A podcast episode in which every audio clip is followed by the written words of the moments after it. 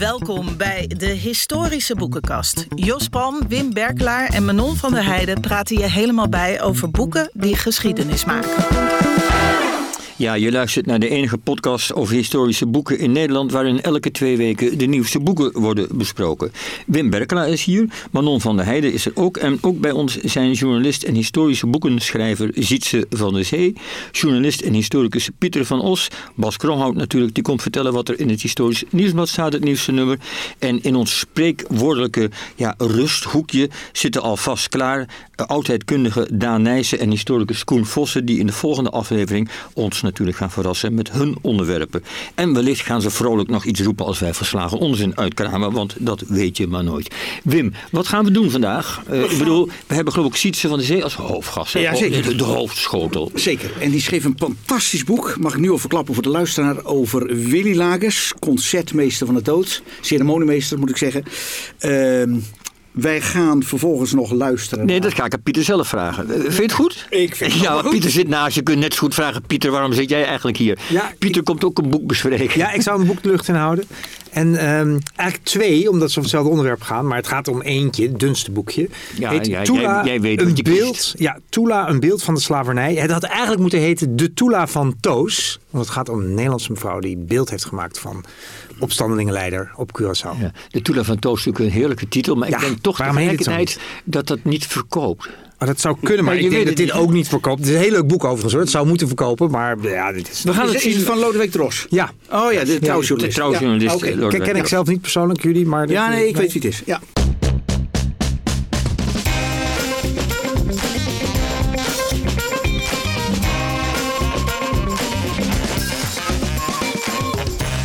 Hij werd in Nederland het reptiel van de naties genoemd en was een van de zogenoemde vier van Breda. De zware oorlogsmisdadigers die levenslang vastzaten in de koepelgevangenis ter plekke.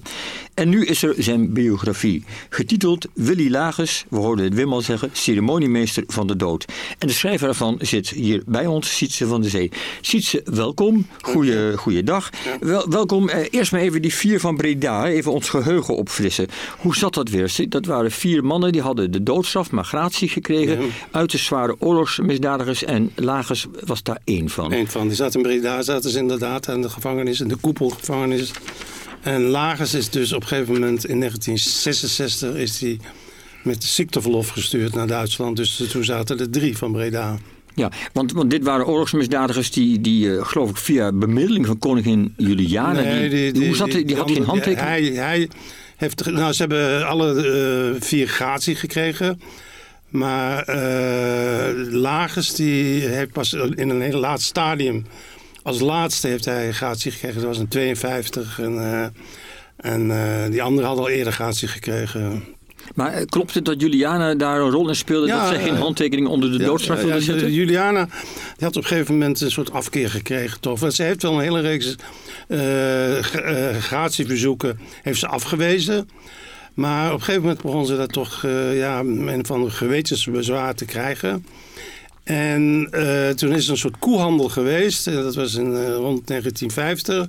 Toen werden de, er waren zes die nog te dood waren veroordeeld. En drie werden dus toen nog gefusilleerd. En drie eh, zouden eh, gespaard blijven. En die drie die gefusilleerd zouden worden, daar zat Lagers bij. En die andere twee zijn gefusilleerd, Albrecht. En eh, die man, heet ik weer, die, die, die, die Nederlander, Nederlandse SS'en. Maarten Kuiper? Nee, maakt het niet. Ehm, die had, die, hij had zo'n commando. Zo, hij zat in Loosdrecht. eh, Oh ja, ja. ja was eh, daar. Goed, Eh, nou, w- hij is gefusilleerd, Ja, dus we kunnen het net zo goed vergeten. Hij is ge- en, toen heeft, en toen ging het nog om la En toen kreeg Juliane bij Lagers, bij de derde man, kreeg ze gewetensbezwaren. En eh, toen heeft zij eh Marianne Tellige, dat was haar directeur van het eh, kabinet van de koningin, heeft zij toen gevraagd een advies uit te brengen. Nou ja, dus, Oké, en de dan- naam die we vergaten was Saus Pieters. Pieters, ja. ja Schiet me nu te binnen. Pieters. Oké, oorlogsmisdadiger Pieters werd gefusilleerd en Willy Lagers kreeg dankzij eh, Juliana gratie. Eh, Wim, even voor de goede orde. Die Lagers, als je de eh, rangorde van eh, slechte, slechte naties in Nederland moet maken, waar, waar staat hij dan? Ja, dat is een goede vraag. Ik, nou ja, ik eh, baseer mij natuurlijk op het boek van uh, Sietse. Maar je zou zeggen ehm, vrij hoog. Hoger dan ik eigenlijk dacht. Ik wist eigenlijk helemaal niet van bijvoorbeeld van de rangorde dat hij boven leidinggevende van Aus de Funte was. Dat wist ik eigenlijk niet. Uh, Aus de Funte? Aus de Funte is een van de mensen van het Centraal Stellen. Dus een van de mensen die, laten we zeggen, de jodenvolging moest coördineren om ze te deporteren. ook een van de vier van Breda. Maar uit het boek van Sietse rijst er wel op dat het echt een, een belangrijke schakel was. die ja, natuurlijk niet niet, die rangorde had als een router of zij zinkwart, maar belangrijk man. Een hoge natie en een slechte natie. Nou ja, uh, ja hier waren er ook goede naties. Zeer belangrijk. Ja, Zeer belangrijk. Goed, uh, je noemt hem ceremoniemeester van de doodsietse. Dat klinkt onheilspellend. Mm -hmm. uh, kun jij even schetsen ja, wat voor een wat voor positie hij eigenlijk innam. Wat, nee, hij kort en krachtig. Wat, hij nam een middenpositie in. Hè. Hij was niet de top, dat was natuurlijk Rauter. En dat was, weet ik veel, in, Duitsland was het Geuring en Goebbels en al die mensen. Maar hij was iemand vanuit het, midden-echelon. En dat was ook wat mij juist interesseerde.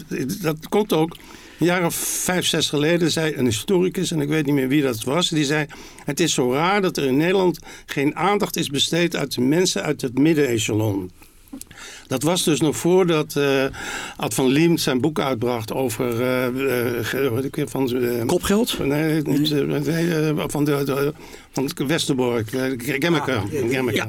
Voordat, want dat boek is in 2019 uitgekomen. En ik hoorde, toen dacht ik, eerlijk gezegd, dat was jammer. Ik had eigenlijk de eerste wel willen zijn. Die uit, want ik had lagers al een beetje op, op, op, op mijn of oog, op het maar, oog. Maar die midden, middengroep, dat zijn de uitvoerders. Dat zijn de, jongens die het harde werk doen. Dat zijn de, uh, ja, dat, nee, niet de, ja.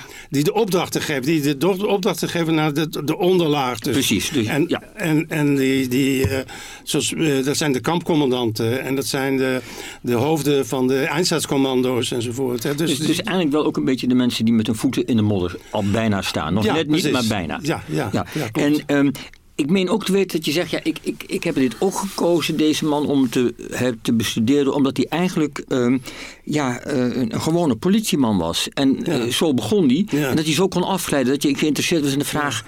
Hoe zit dat? Nou, eh, klopt dat? Was dat een, ja. een, aanleiding? Ja, dat was ook. Nou, dat wist ik, nee, dat, dat, wist ik natuurlijk niet toen ik eraan begon. Dat stelde ik pas vast toen ik me in, in hem verdiepte.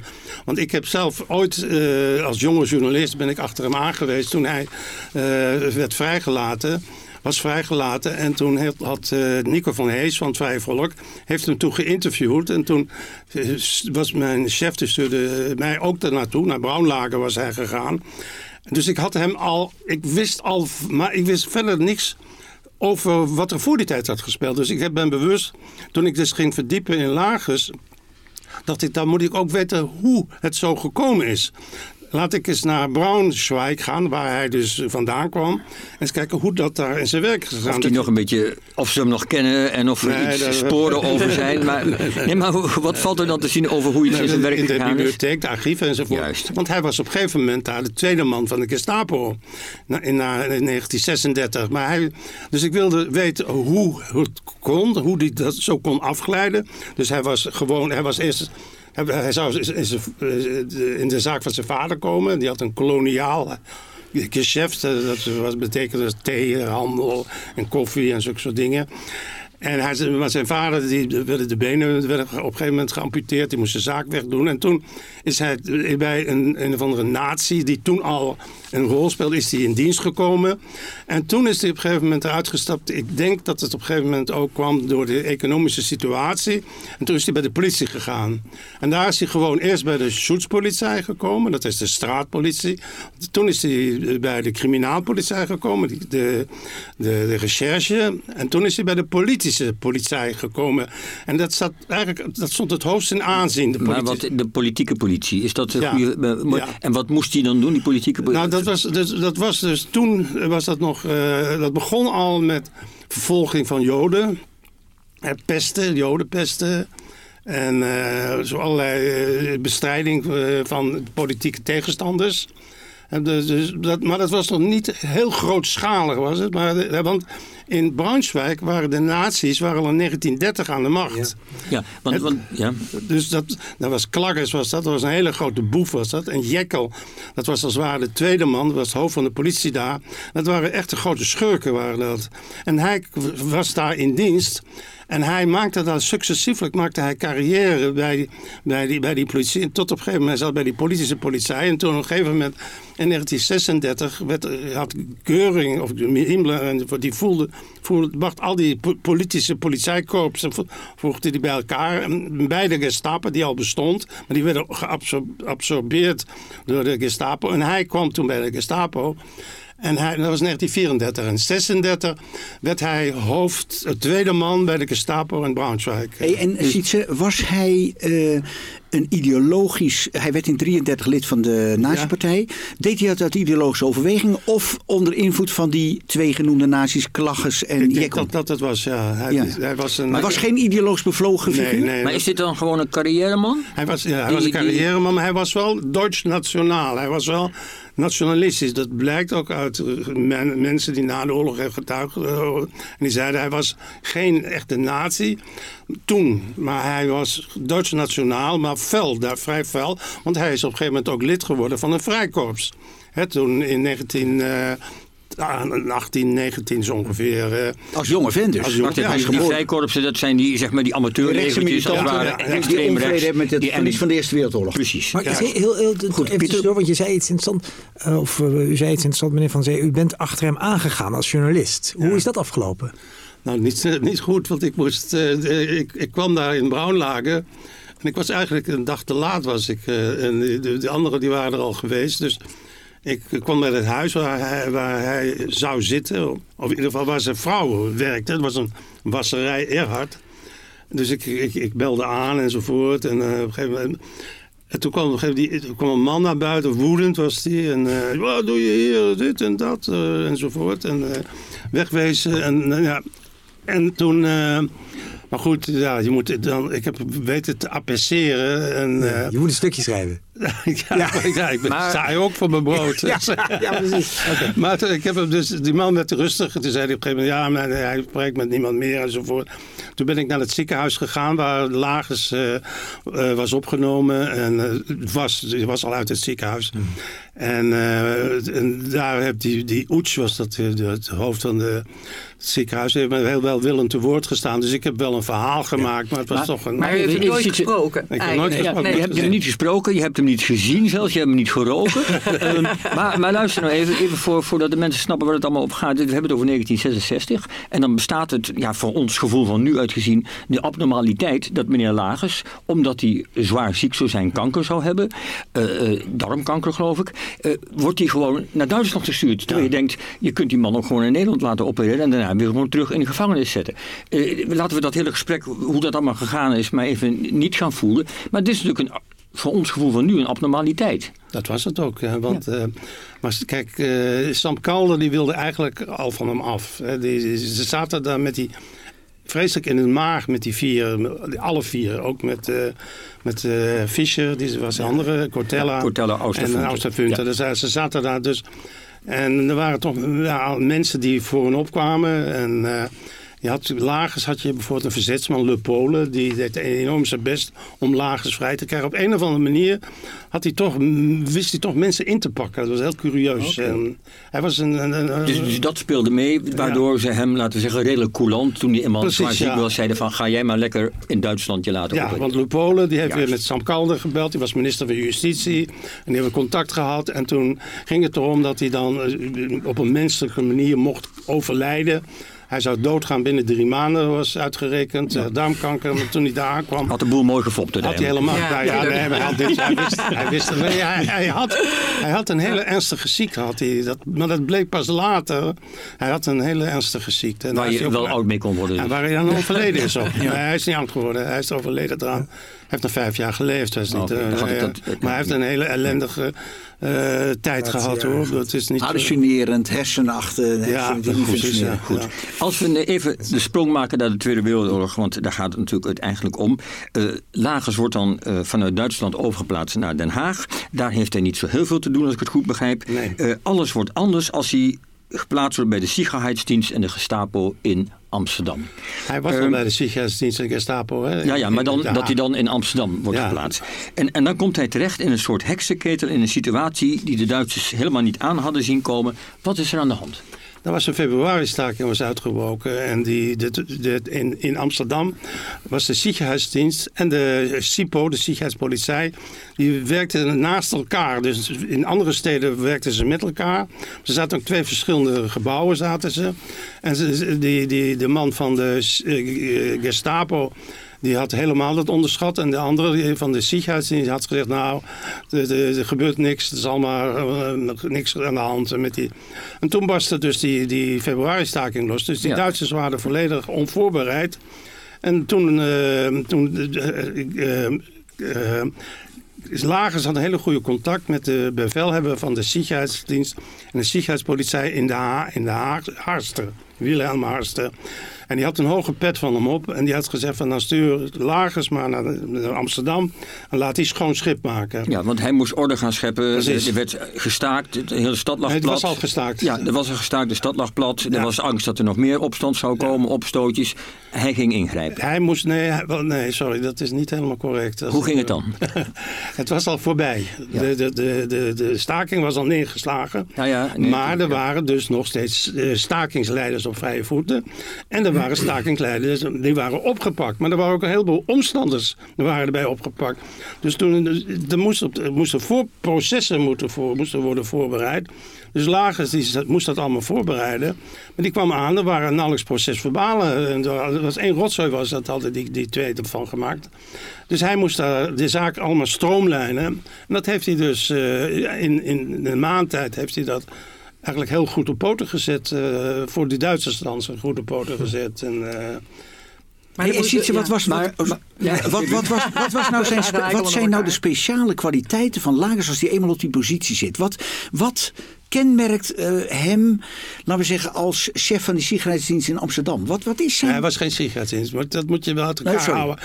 Dus, hij was van de Gestapo. Nou goed, maar dat wat- zijn wat- twee verschillende dingen. Je hebt gelijk. Maar wat, wat kenmerkt hem nou? Wat, wat zijn zijn eh, kwaliteiten dat hij als leidinggevende en als slimme functionaris, wat is het? Hij, was, eh, hij, was, hij kon goed analyseren, de dingen. Hij wist heel goed hij, hoe de dingen in elkaar zaten. Hij bekeek de dingen ook heel goed. Dus- Maar je merkt ook, als hij naar Amsterdam wordt gestuurd...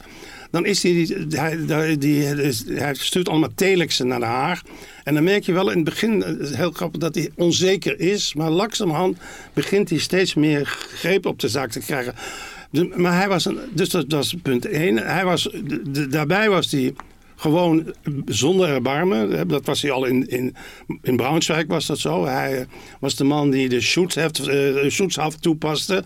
Eh, eh, beschermd, eh, de hechtenis zonder dat mensen iets daartegen konden ondernemen. Eh, hij, dus hij was, hij was, hij was iemand... meedogenloos, toch, was hij. Ja, Ja, ja. hij was rücksichtsloos. Maar hij moet afrekenen met tweede, in de eerste plaats met de angst dat er een verzet komt en verzet blijft en dat het verzet groter wordt. En daarin speelt hij geloof ik een cruciale rol. Ja. Klopt dat? Vertel eens, wat, Ja. wat, wat, wat, de- de- hij schijnt bijvoorbeeld verantwoordelijk te zijn voor de eh, executie van de verzetstrijders als Johannes Post, Ja, Hannie. Schaft. Vertel eens, wat, wat was zijn...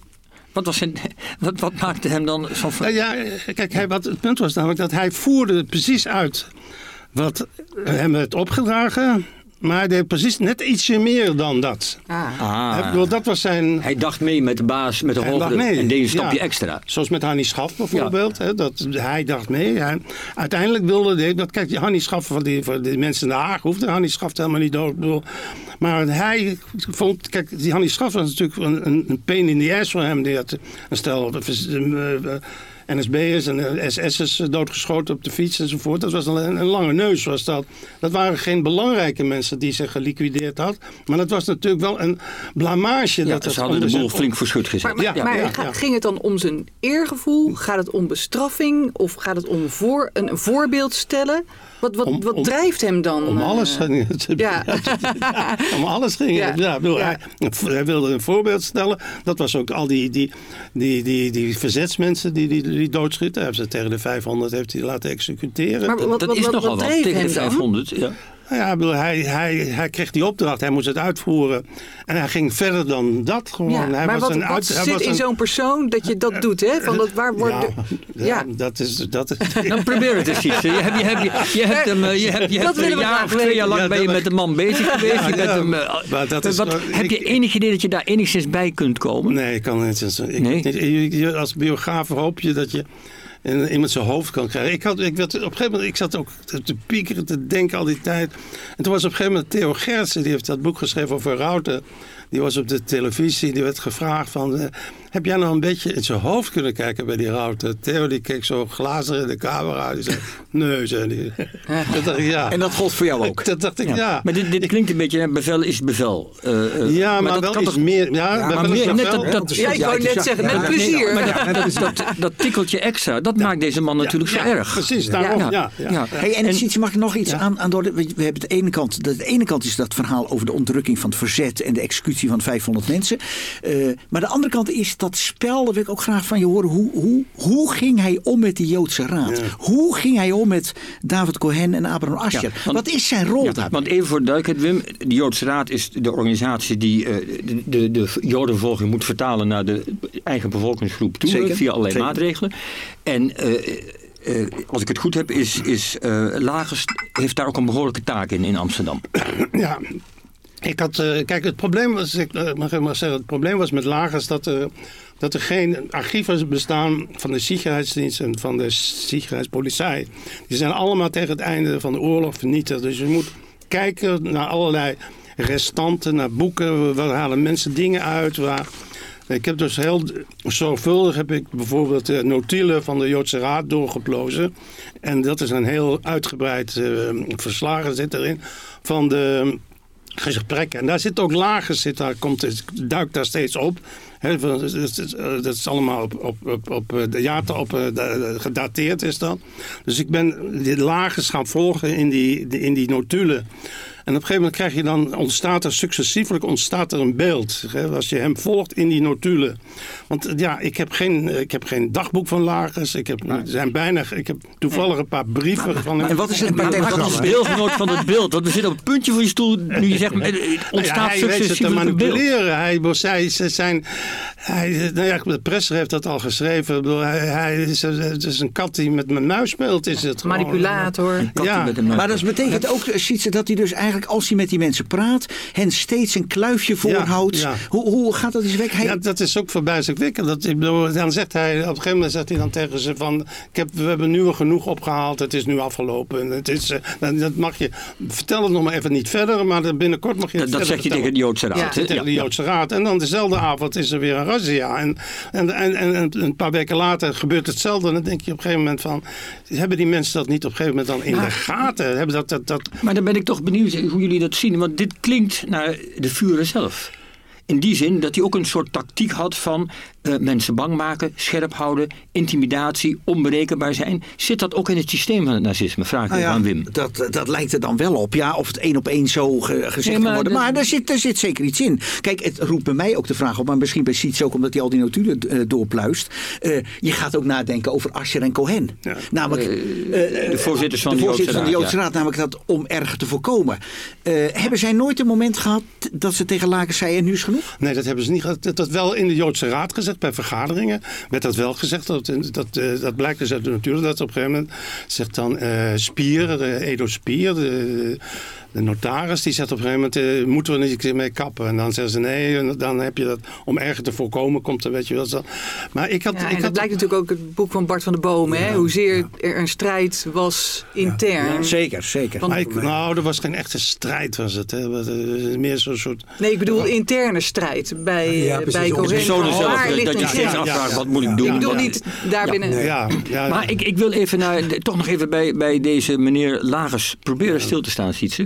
Want je beschrijft dat je eindelijk probeert hem te ontleden, los te peuteren. En dit is een man die zich, laten we zeggen, karakterologisch moeilijk laat betrappen. Hij... eh, hij eh, heeft minnaressen. Zijn vrouw Moetie is thuisgebleven. Eh, ja, heb, heb jij het gevoel dat je iets dichter bij de man bent gekomen? In de zin van dat je denkt, wat is dit voor een karakter? Dat is een gewetensvraag bijna. Ja, nou, die moet ook gesteld worden af en toe. Nou, natuurlijk, als, als, je, je, je, begrijpt meer dingen. Maar het is niet zo dat ik nou een, een analyse kan geven hoe hij in elkaar zit. Maar ik, ik heb wel, door, door, ook doordat ik naar Braunschweig ben geweest en daar de archief heb gekeken. En, en, en ook boeken, want je hebt dan boeken die je hier niet kan krijgen. Net als zeg maar, die kleinschalige boeken. Die, dan kan je, zie je op een gegeven moment. En hij, eh, dus, eh, als hij op 1930 dan eh, die Klakkensregering komt, die, die nationale socialisten in Braunschweig aan de macht komen.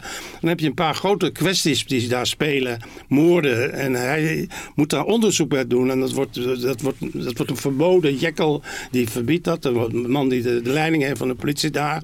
En ze mogen dat niet verder onderzoeken. Een normale politieman die wil dat verder onderzoeken. Die wil tot op, de bodem gaan. Dus je ziet, langzamerhand zie je hem omvallen als het ware. Hij gaat steeds... Want hij, want hij wilde dat ook. Hij wilde ook verder met het onderzoek.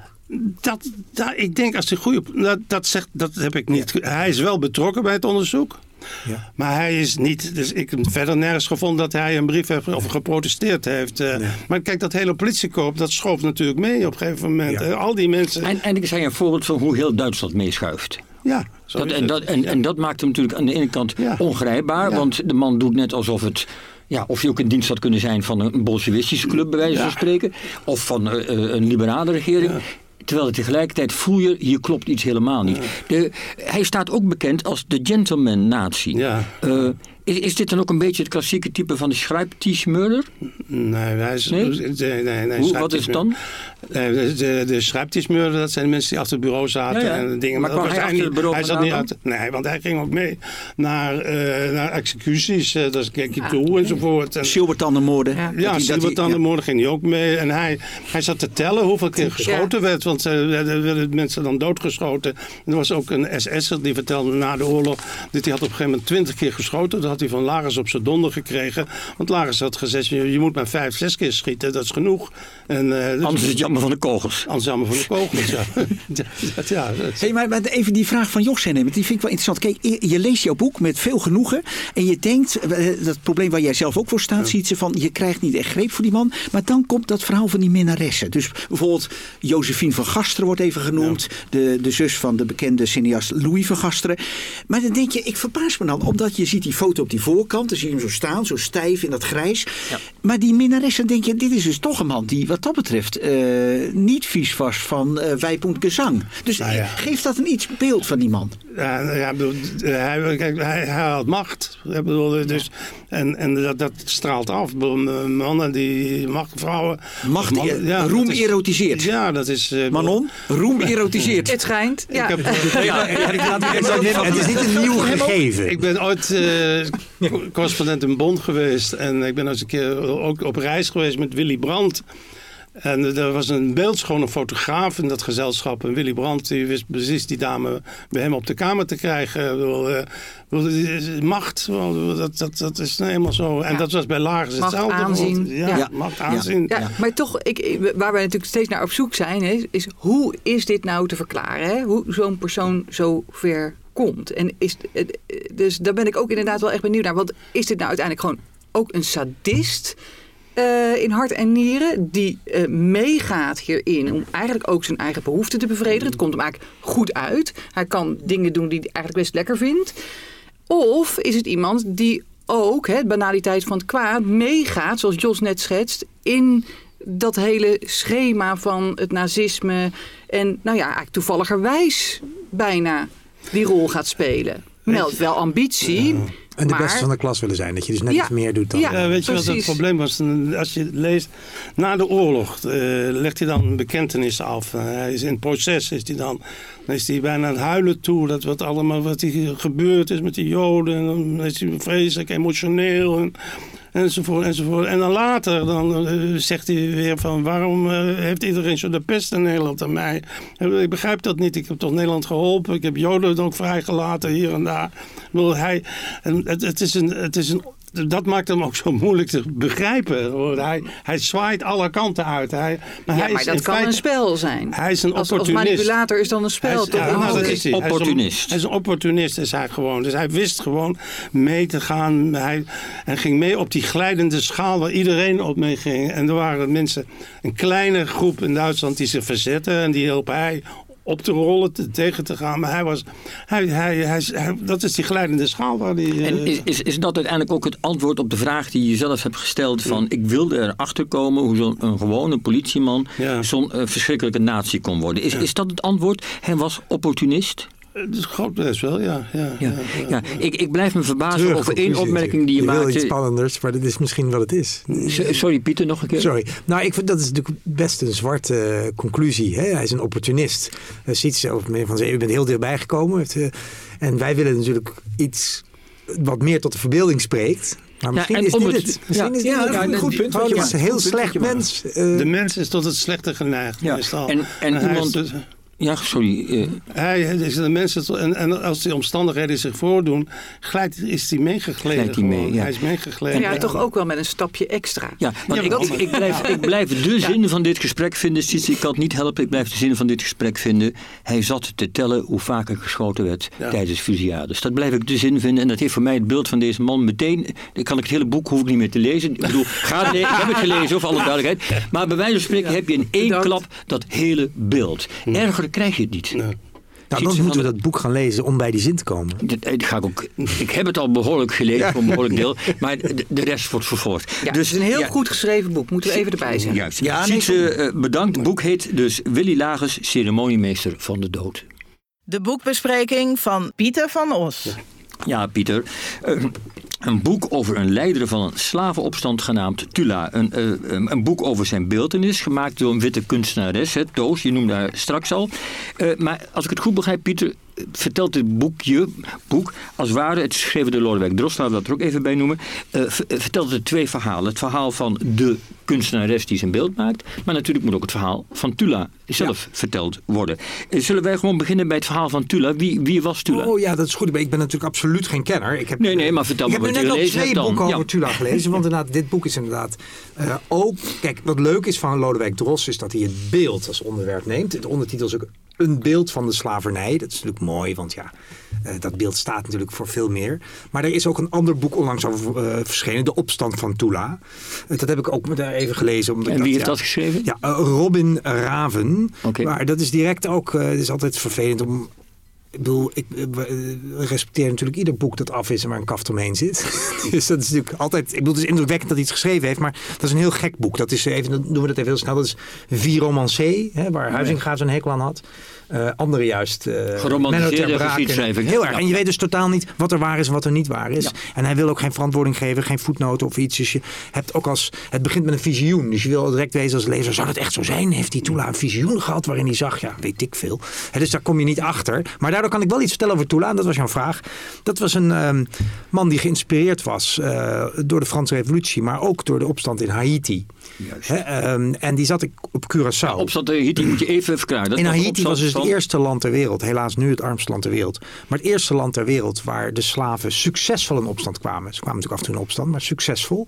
En ehm, dus de slaven de macht eh, wisten te krijgen. Heeft, heeft eh, de, inmiddels, eh, heeft inmiddels 18e eeuw. eh, ik wou zeggen vergaan, en dat mag je natuurlijk niet op een moment zeggen, maar misschien is het al wel zover. Heeft Martin Rossa niet ooit een boek Vuurnacht over geschreven? En nu kijk ik naar mijn buurman. Dat Ja, dit, nee, dat eh, klopt. ja, Dat nee, zeker maar Ros, weten. ja, zeker. Ik weet wel- ik weet had een gevoel voor excentrieke onderwerpen. Ja, Dit was ik- een, eh, een boek van hem, zeker. Ik weet nog wel dat ik hem een keer daar aan de lijn over had en dat hij eh, vroeg, eh, wat vond je ervan? Geweldig boek toch? Ja. Ja, ik zeg ja Martin. Ja, nee, dat is. Maar je kan in ieder geval zeggen, ik heb dat boek niet gelezen. Het is een goed, geweldig Pieter, onderwerp. En, en ook niet zo terug naar klein exotisch in het, om het westelijk halfrond. Zou ik zeggen. In Amerika is dat wel een heel belangrijk en bekend verhaal. Dat Haiti het eerste onafhankelijke... Nou ja, een, een, een land geregeerd door de voorheen slaven. Of slaafgemaakten. En... ehm, eh, dus Tula was geïnspireerd en die kwam in opstand. En dat ging vrij goed aanvankelijk. Ehm, en de Nederlanders deden me ook een paar beloftes. Want die voelden wel aan. eh, het gaat helemaal niet goed. We zijn met te weinig mensen. En eh, nee, la- laat ik niet te veel interpreteren. Want ik ben niet de historicus die daar alles van af weet. Maar ik weet wel, het ging vrij goed. Zo voorzichtig kennen we je over het algemeen Oké, maar dit is een onderwerp, het is toch een gevoelig onderwerp. De Nederlanders hebben eh Tula enorm bedonderd en zijn mannen. Hè, een paar valse beloftes. En vervolgens hebben ze hem nou op een gruwelijke wijze geëxecuteerd. Ook als voorbeeld. Ja, dat ja, soort precies, dingen. Precies, de he- Als de- waarschuwing. Laten we zeggen, de, de hele boel. Alles wat je kan bedenken. Ehm, dus dat is natuurlijk in de eh, overlevering op Curaçao is dat verhaal levend gebleven. En nu, en nu wordt het heel interessant vind ik. In 1968, wist ik niet, kan ook 1969 zijn. ehm, kwam er een opstand op de raffinaderij van Shell. Ja. Sterker nog, daar was, eh, toen was de gouverneur Cola de Brot, eh, de schrijver, die, die eh, nog bevriend was met Willem Frederik Hermans. Dat, was, die is toen, eh, dat is het einde van Cola de Brot als gouverneur geweest. Ja, precies. 1969. Ja, dat is fascinerend. 1969. Eh, dat was een raciale opstand. Want eh, mensen van kleur die werden slecht behandeld op die raffinaderij. En die hadden een andere behandeling. En ehm, nou, revolutie zat een beetje in de lucht wereldwijd natuurlijk. En interessant is dat ze ook heel boos waren over het feit... Nee, dat is later, sorry. Nou, die opstand die inspireerde veel eh, mensen in Curaçao om weer na te denken over de eigen geschiedenis. Het is een vreselijke opstand geweest. Het heeft ook het, het, het oude centrum van Willemstad is vernietigd. Ja, klopt. Eh, is Branden, verwoest. Ja, verwoestingen. absoluut, absoluut. Ja. absoluut. Tegenwoordig noemen we dat rassenrellen. Oké, maar dat was belangrijk voor eh, dit boekje. Want toen kwam eh, Toos van Mierlo Hagenaars naar Curaçao. Gewoon een beetje als expat. Haar man werd daar pedagogisch onder. Ja, die, die ging bij de Academie van Pedagogiek werken. Of, eh, en zij was ook kunstenares. En ehm, zij eh, ging niet wonen tussen de Nederlandse expats, maar tussen, eh, nou ja, bij... Go- going native. Going native, hè, En daarom vind ik het ook zo fascinerend. ja. Want zij heet dus ook Toos. En je ziet ook voortdurend foto's van haar. En het is allemaal zo goeig. Dat is een mevrouw met lange witte vlechten. En die raakt geïnspireerd door het verhaal van Tula. Ook door een toneelstuk. En dan de man die Tula speelt, die wil zij dan als model. Maar wacht even, op dat Om moment... een beeld te maken. Ja, op dat Tula. moment wordt er in Curaçao zijn toneelstukken over Tula. Ja. Oké, Ja, dus, dus hij is als held al... opstand op de Ja, Shell Dus als, als, als nationale held opstanden leiden, Ja. is die al gerehabiliteerd door zijn eigen bevolking. Absoluut, absoluut. Goed, Eh, ga verder. Ja, en, en zij raakt daardoor geïnspireerd en wil graag meedoen. En het deed me erg denken aan, ja, daar, daar, zit iets, daar krijg ik iets lacherigs van. En volgens mij heel veel mensen. En dat is ook interessant. Vind ik zelf bij mezelf interessant. Waarom? Want wat is er mis met Toos? Toos die strijdt voor de goede zaak. Of die, die ziet de goede zaak en die wil aan meedoen en meehelpen. Dus wat denkt, ik kan een beeld Pieter? maken. Wat Nou, was is dat ja, ik ben gewoon ook maar een jongen uit Groningen. En ik weet nog dat ik voor het eerst in mijn leven in Benin was. In West-Afrika. Dat voor het eerst in mijn leven klinkt alsof ik heel vaak in Benin ben geweest. Maar in ieder geval voor het eerst in West-Afrika. En dan ontmoette ik een paar Nederlandse vrouwen in van die Afrikaanse flisco eh, jurken. En daar moest ik heel hard om lachen. Ik vond dat ontzettende aanstellerij. Tegelijkertijd denk ik, waarom vind ik dat aanstellerij? Dat going native. Wat is er mis met Ja, going maar native? beschouw Dat weet dat ik nog steeds niet zo goed. Dus Ja, dat tegenwoordig, ja, nou ja, tegenwoordig heet dat cultureel Precies. appropriation, het Ja, toe-eigening. Precies, Ja, dat ja, mag. daar zat Dus- ik ook aan te denken. Nee, maar het probleem daarvan is, het is natuurlijk een prachtige term, maar dat betekent er gaat meteen het slot erop. Ja, dat is dus raar. Je kunt er, want, je, want dan is het afgekeurd en dan kun je er niet meer over nadenken waar het vandaan komt en hoe je En, daar en als je dat doortrekt, mag Picasso niet meer eh, zich laten inspireren door beelden uit Afrika. Dus culturele toe-eigening is een moeilijk onderwerp. Maar- maar en eigenlijk- vind ik een fascinerend ja. onderwerp. En Ja. daarom eh, leek me het boekje zo leuk. Het is geschreven door een journalist. Hè, dus eh, Lodewijk Dros. Jullie kennen hem, ik niet. Maar Lodewijk Dros heeft dat goed gedaan. Want die wist, dit is een mijnenveld. Want ik moet nog even het verhaal vertellen. Dat beeld wordt dus gemaakt. Ehm, en dat komt ook iedereen dit zien. Want zij is het in klei aan het boetseren. En daar poseert dus deze Kelly. De man die Tula heeft gespeeld in een toneelstuk. En die staat daar wekenlang. Staat er iedere dag. Ja. Is En ik geloof dat, dat een probleem is dat hij niet geheel gekleed is. Nou, dat is een belangrijke kwestie. En eh, die staat daar in een zwembroekje. Ook een fantastische foto van. Waar zij dus met die vlechten zit zo'n beetje aan die klei. En dan zit hij daar in een zwembroekje. Ehm, en dan op het laatst, dan gaat het zwembroekje uit. Want ze moet hem naakt eh, eh, afbeelden, vindt ze. En dan worden ook de kinderen van Tula geroepen. Dus de Nederlandse kinderen, kom kijken, want het zwembroekje gaat uit. Dat is een, dat is een gebeurtenis. Nou, en, en, daar, en wat knap is van die Dros, dat hij het zo opschrijft dat je niet lacherig wordt, wat ik nu doe. Maar dat kan ik niet laten, dat heeft gewoon iets heel geestigs. En dan vervolgens is, wat vindt de bevolking ervan? Maar Nou, het punt is, zij is volledig oprecht. Zij is oprecht. Volledig oprecht en wil de, de, de zwarte slaven opstand leiden als een flinke, fiere, dappere man laten zien. Dat is haar intentie. Dat is En haar nu- intentie. Goed en nu- samengevat. Ja, en, En, nu- en, en zij is dus zelf een witte persoon. Absoluut. toch? Ja, ja, ja. ja, ja. Ja, En toen? eh, eindigt in, verhuist later terug naar Winschoten. Belangrijke rol in het boek. Want dit beeld staat nu in een loods in Ja, Winschoten. maar wacht nou even, Maar je, nu- ging vertellen hoe... eh, je Hoe ging juist... reageerden mensen erop? Ja, Daar- Ja, precies, ging- dat waren- weten. Nou, dat weten we precies, want ze hebben een enquête gehouden. Dus eh, eh, Oh. er komt kritiek. Stanley Brown, misschien zegt jullie iets. Een zwart communist uit die tijd. Die zegt het het meest hard. Die zegt, waar de, Duit, eh, de, de Joden van Nederland gaan toch ook niet een beeld neerzetten gemaakt door een Duitser. Kortom, van, waar slaat het nou op? We gaan Ja. toch niet een of andere witte mevrouw onze held laten Ja. afbeelden? Tot overmaat van ramp komt later Kikkert. Daar komt een beeld van. Heet die Kikkert of Kikkert? De man die de opstand heeft neergeslagen. Eh, daar komt wel een groot beeld van Willemstad. Dus, dus de strijd is zeker niet gestreden. Dus ze willen wel degelijk een beeld van Tula. Komt een enquête. 80% van de bevolking van Curaçao vindt het een geweldig beeld. Tweede vraag. Ondanks de maker. Ondanks de maker. Maar de mensen die tegen zijn, zijn invloedrijker. En misschien ook zijn dat, ja, invloedrijker is goed gezegd. Eh, Tim, Tim er ook harder aan de weg, ongetwijfeld. Maar ja, ga door. en Ja. tegelijk ehm, is er ook de vraag, wat vindt u ervan dat hij naakt is? En daarvan zegt 50% van de bevolking van Curaçao geen goed idee. Maar dit is heel interessant, Pieter. Daar ga ik even iets op inhaken. Alles Ik- interessant in het boek. Nee, maar praat het in de is tussentijd ook gewoon even in de microfoon. Ja, Zo, ja, ja, ja. Maar dit is zeer interessant. Ik heb ooit een serie gemaakt voor de radio, Helden op Sokkels. En toen interviewden wij een aantal eh, mensen en, eh, over Anton de Kom, het beeld in de Bijlmer. Ja. En zwarte mensen zeiden bijna allemaal schandelijk dat die man zo is afgebeeld. En ik kom me daar goed iets bij Ik kan voorstellen. Elk, iets bij elk beeld van Anton de Kom is de man in pak bijna. Maar- maar- dus die Nee, daar ben ik helemaal met je eens. Maar- Maar, maar dat punt- heeft maar wat is te maken met wanneer je het vraagt. Dus deze, deze enquête was gehouden toen het beeld net klaar was. 1971, Maar 1973, ik, sorry. ik wil nog even terug naar waarom dat zo erg is. Is het dan zo erg omdat als je een zwart persoon naakt afbeeldt, doe je weer alsof het een slaaf is? Ja, maar voordat je zegt, ik vind niks erg. Ik vind niks erg. Dat vind ik juist zo leuk ook van wat die nee, niet van ons, maar van mensen. Ja, van Nee, mensen. maar ja. volgens mij is de kern eh, eh, wie bepaalt hoe iemand wordt gerepresenteerd. Ja. Eh, en dat is in dit geval een witte persoon die het eigen idee erbij heeft. Ja, maar ook, dat volgens wat mij Jos, ja, maar ook wat Jos zei, want Anton de Kom, ik geef dat volgens Anton de Kom, dat was natuurlijk een man die altijd driedelig liep. Dus als die man dan zo geportretteerd wordt, dat roept natuurlijk bij die Surinamers juist verzet op. Want die dacht, ja, we kennen die man met die hoed en dat driedelig. En dan loopt hij half naakt, Ja. staat hij daar Ja. in de Bijlmer. En, en je kan nog Ah, veel Pieter. meer argumenten doornemen. En dat heeft hij dus gedaan, hoe dun het boekje ook is. Hij schrijft gewoon eh, eh, goed en precies. Eh, je kan ook zeggen, wat de maakster zei, is een held. En hoe beelden eh, de helden in de klassieke oudheid? Hè, naakt, niks mis mee.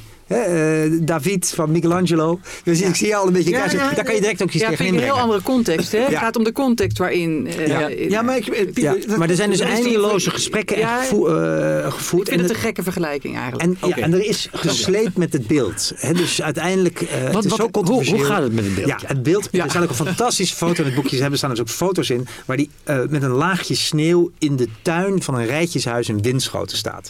Uiteindelijk eh, neemt de maker zelf haar beeld maar mee. Nou ja, Ja, maar, maar Pieter, sorry, je gaat, iets, je gaat iets te snel. Dat beeld is in 1969 of 70 gemaakt. Ja. ja. 1971, sorry. ik zie niet, eh, 1971, akkoord. Ja. Ehm, blijft het dan ook, zij zit dan nog op Curaçao. ja. Eh, Ze gaat later door wat gebeurt er dan op Curaçao met dat beeld? Dat blijft ook daar in, de, in het fietsenhok? Ja, nou, eh, eh, eh, kijk, het zijn maar 125 bladzijden. Ik vind het ook vervelend voor meneer Dros om alles te verklappen. Dat is natuurlijk een beetje Ja, de spanning van het boekje. het dan maar even. Nou ja, het beeld komt er uiteindelijk niet. Dat, dat, dat, ik daar, zo samenvatten. Het beeld komt het nooit- beeld eh, is er wel, maar het wordt nooit in het centrum van Willemstad gezet. Dat was het idee. En is er wel een ander beeld? Even voor, daar moeten we verder niet op ingaan. Maar is er wel een ander beeld van Tula neergezet in, eh, in, in, in Curaçao? Goeie vraag. Eh, ja, er is een ander beeld van Tour. Sorry, er zit ook een foto Ja. van in. En Dus hoe ik ziet dat eruit? snel, eh. Even heel kort, hoe ziet Ja, dat dat is een groot beeld met drie mensen. Dat is een, ah, hij staat erin. Er is een beeld van Gekleed? eh, een mooi monument van Tula. Oh, ik zoek nu naar de foto. Ik denk wel gekleed. De kom is het niet geklede beeld. Hè? Jij hebt Ja, het ja, dat is Dus dit, Bijlmer. dit is vast wel gekleed, want anders was het ook heel controversieel. Ehm, want ja, waarom zouden we eh een slavenopstandelingenleider naakt afbeelden? Hè? Wat is de... Nou ja, wat jij zegt, misschien eh, Ja. dat, dat een held zo Hier, hier, hier is het beeld van Tula, Tula monument. Ja, het is heel klein. Misschien Ja, maar Ja, P- je- je- Pieter, beschrijf, Pieter, iemand Pieter beschrijf het nou even. slaaf. Beschrijf even wat je ziet in plaats van het boekje Nou, heen en weer te... Ah, deze hebben kleding aan. Ja, drie figuren. Eh, wel vrij heldhaftig, maar iets abstracter. Dat is altijd veilig, hè? Tula in het midden. Ja, de Abstracter Tula en van. Toos is Goed. een geheel figuratief beeld. Eh, naakt. Ehm, de man staat eh, ten voeten uit. Ja, en, en deze Tula haalt het dus niet in Curaçao als beeldenis. Uh, en je zei al, Tula eindigt in Winschoten. Ja. Verlicht dat nog even toe? Nou, Tula ligt nu in een loods in Winschoten. Maar een tijd lang stond Tula en de tuin bij Toos. Uh, en um, ja, het, het geslepene beeld spreekt gewoon enorm tot de verbeelding. Uh, reacties zijn heel gemengd. En je kan ook weer zeggen, natuurlijk misschien de kracht van het beeld. Hè, dat je um, discussie genereert. Je hebt ook wel beelden die we allemaal niet opmerken. We hebben heel lang het Wertheim-monument eigenlijk niet opgemerkt dat het gewoon een raar beeld was. Hè? Ter dank, voor de dankbaarheid van de Joodse gemeenschap aan Nederlanders. En dan vervolgens breekt toch de pleuris uit. En jij hebt dus zo'n serie gemaakt, Beelden op sokkels, Helden op sokkels. Zijn ook bij Ik vind het een fascinerend onderwerp. Um, Absoluut. Als ja. Als we nou even proberen het boek nog even, uh, even helikopterview ja. naar het boek gaan kijken naar de gebeurtenis, zoals dat zo mooi heet. Lodewijk Dros heeft dit allemaal opgeschreven, de making-of en de werdegang van het beeld van Tula. Staat het verhaal ook voor het ingewikkelde, eh, even chic doen, het ja. ingewikkelde decolonisatieproces tussen de overheerser en de overheerste? A absoluut. Ja, denk het ook. Absoluut. En wat ik wel knap van hem vind, is dat hij dat niet allemaal uitspelt. Het wordt helemaal duidelijk in de reacties op het beeld. Het wordt bijna zelfs duidelijk uit. Hij heeft dan een voorwoord gevraagd van John Leerdam, een um, Antilliaanse Nederlander die wel bekend is als politicus ook en als cultuurmaker. En daaruit spreekt ook al heel veel in mijn ogen ongemak. He, dus John Leerdam wil het wel opnemen voor het beeld, maar weet ook wel dat er maatjes van hem zijn die dat helemaal geen goed idee vinden. Dus hoe schrijf je dat dan als politicus ja, op? Je, je, dus het zit er allemaal in. Voor je het weet krijg je slot op de mond. Uh, ja, maar daarom is het wel goed ja. om het gesprek te voeren en op een nette manier te doen. Ik denk dat, zij dat, dat hij dat gedaan heeft. Um, door inderdaad gewoon te documenteren. Wat zijn reacties van mensen? Hoe denken ze erover? Goed, Lodewijk Dros schreef Tula, een beeld van de slavernij. En uh, zoals Pieter van Os ook kernachtig samenvat, een goed boek. Wat staat er deze maand in Historisch Nieuwsblad? Ja, uh, bij ons... Uh, Bas Kromhout, de hoofdredacteur. Bas, laat ons niet langer wachten. Wat staat er voor moois in het nieuwe nummer? Ja, nou, er zijn natuurlijk op dit moment twee uh, grote conflicten in de wereld uh, aan de gang die ook op onze samenleving uh, veel impact hebben. Er wordt ook op meer plaatsen in de wereld gevochten, maar ik heb het natuurlijk over Gaza en Oekraïne. daar proberen we wat duiding bij te geven. en wat ik zelf een heel geslaagd artikel vind, is geschreven door Laudus Blukens, journalist, die ook een tijd lang in Iran heeft gewoond. En hij is eigenlijk ingegaan op de herkomst van de animositeit tussen die twee landen, Israël en Iran. Uh, want waarom zijn die eigenlijk met elkaar in conflict? Ze grenzen niet aan elkaar, uh, ze zitten elkaar verder ook niet echt in de weg. Maar toch uh, is daar dus een enorme ja, soort sluipende oorlog al jaren gaande. En nou ja, we hebben ook met, met de aanvallen van Hamas op 7 oktober vaak gehoord dat Iran daar waarschijnlijk een, een rol in speelt op de achtergrond. zelfs zo dat de mensen toen bang waren, ik weet niet of die angst nog steeds leeft, dat er tot een hete oorlog tussen Israël en Iran zou komen. Nou, daar gaat Laurens uh, op in. Uh, en dat is heel interessant, want dan blijkt ook dat die relatie niet altijd zo slecht is geweest. Uh, maar dat is vooral na de uh, Libanon-oorlog van 1982, dat het toen eigenlijk is verslechterd. Daarvoor, zeker onder de Shah, was Israël een bondgenoot van, van Iran. Uh, en ja, dat is natuurlijk ontzettend interessant. Van waarom zijn ze dan zo? En dat heet te maken met die revolutie. Juist met het feit dat, dat Israël dik was met de Shah. De tegenstanders van de Shah zagen Israël als een, een macht die op de achtergrond ja, samen met pion, Amerika... Pion van Amerika, ja, die, natuurlijk. Die, ja, pion van Amerika en van de Zionisten. Ja. Uh, maar wat, wat, ik, wat ik bijvoorbeeld niet wist, was dat in, in de Irak-Iran-oorlog uh, Israël Iran steunde met wapens. Oh, dat is voor mij ook nieuw. De, ja. de periode 1980-1988. Dus dat is, lang dus, na de dat is na de, na de revolutie geweest. Dus het heeft nog een tijdje doorgespeeld. Door die, die bondgenootschap Israël zag Iran heel tijd als een, uh, ja, iemand die ze konden gebruiken om vooral het Arabische gevaar uh, in te dammen. Nou, uh, hoe dat verder is gelopen en waarom dat helemaal de andere kant op is geslagen, kun je lezen in dit stuk. Um, ook daarbij aansluitend is een interview met Bart Wallet. hij is de laatste tijd ook veel in de media, hoogleraar Joodse geschiedenis aan de, aan de UvA. En hij legt uit ja, waar het idee vandaan komt uh, van, van veel Joden dat Israël een land is waar ze recht op hebben en waar ze naar mogen, zelfs moeten terugkeren. Uh, en ja, vaak wordt er niet verder teruggekeken dan, dan naar, naar de holocaust of daarvoor uh, de, de, de vervolgingen in, in Rusland, waaruit vervolgens dan de, eerste zionistische beweging uit voorkomt. Uh, maar hij legt het verder terug, want in feite is, het een, is Zionisme een geseculariseerde religieuze voorstelling. Klinkt, uh, klinkt, klinkt, niet on, klinkt dat je meteen denkt, ja, daar kunnen we ons enigszins iets meer voorstellen. En zijn dit de twee tips die je hebt of zit er nog meer in? Is er ook nog iets luchtigs? Er zit ook nog wat luchtigs in, ja gelukkig. Ja, uh, ons uh, coveronderwerp gaat over Amazones. het gaat ook over strijd.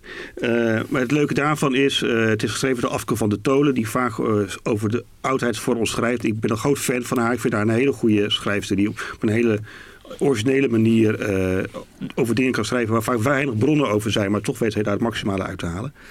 Uh, Amazones, uh, ja, ik dacht altijd dat dat is een mythe, dat is gewoon een verhaal. Hè. De, de, Grieken, we kennen ze, ze, ze, ze, hebben verhalen over, over paarden met, met, met mensenlichamen. Ze hebben Eén borst. Precies.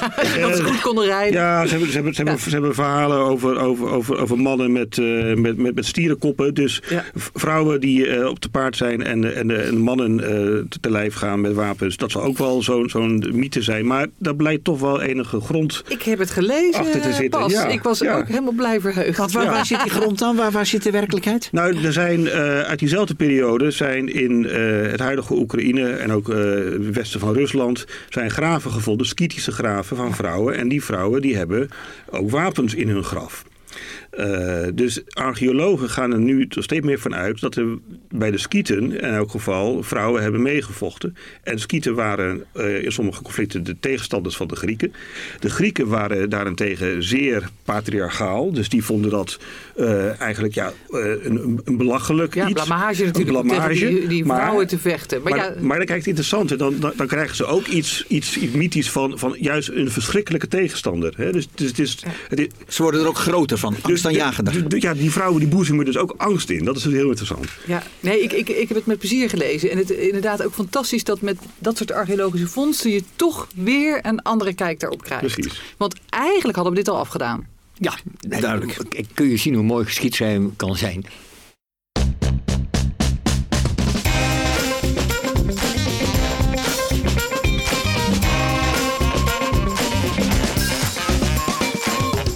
Ja, ditmaal hadden we het in de, in de, historische boekenkast over Willy Lagers, de foute natie die tijdens executies zat te tellen. U gelooft het of u gelooft het niet, hoe vaak er geschoten werd of er geen kogels werden verspild. We hadden het ook over het beeld van de zwarte slavenopstand leider Tula, die gedoemd was te verstoffen in een kelder, nee, in een fietsenhok in Winschoten. En we hoorden dat Amazones echt bestaan hebben, dat dat een mooi artikel is in het nieuwsnummer van het Historisch Nieuwsblad. En 15 januari gaat er weer een nieuwe aflevering de lucht in van de boekenkast. Wim, wat gaan we dan doen? Dan spreken we met Daan Nijssen uh, dat er al een zijderoute bestond voor de beroemde Chinese zijderoute. Ja, Alle wegen lopen dan bij hem niet naar Rome, maar het mooie titel Alle wegen gaan naar Babel. En doen we niet ook iets met een klassiek boek? Zeker. Elisabeth Badinter wordt besproken door Manon. Uh, een leerlinge van Simone de Beauvoir. Vrouwen worden niet geboren als vrouw, maar gemaakt als vrouw. Ik ben benieuwd. Ja, en, en, en daarnaast, Koen Vossen, de bekende kenner van populisme, spreekt over een klassieker van 20 jaar geleden. Goed, nou dat gaan we allemaal de het volgende aflevering meemaken. Deze keer dus dank aan onze gasten Sietse van de Zee en Pieter van Os. Aan onze podcasters Wim Berkele en Manon van der Heijden. En aan Bas Kromhout, hoofdredacteur van het Historisch Nieuwsblad. En dank aan het bankje, ditmaal bezet door Daan Nijssen en Koen Vossen. We hoorden hen in de volgende aflevering. En vanzelfsprekend ook dank aan Astrid de Jong, de nachtzuster op vrijdagnacht op Radio 1. Luister erna als u niet kunt slapen. En voor het lezen van onze teksten. En aan Michael van Os voor het verzorgen van de techniek. Je luisterde naar de Historische Boekenkast. Een podcast van Historisch Nieuwsblad. Wil je meer weten over historische boeken en verhalen uit de geschiedenis? Schrijf je dan in voor de nieuwsbrief via historischnieuwsblad.nl/slash nieuwsbrief. En heb je vragen, opmerkingen of tips? Mail dan naar redactie.historischnieuwsblad.nl.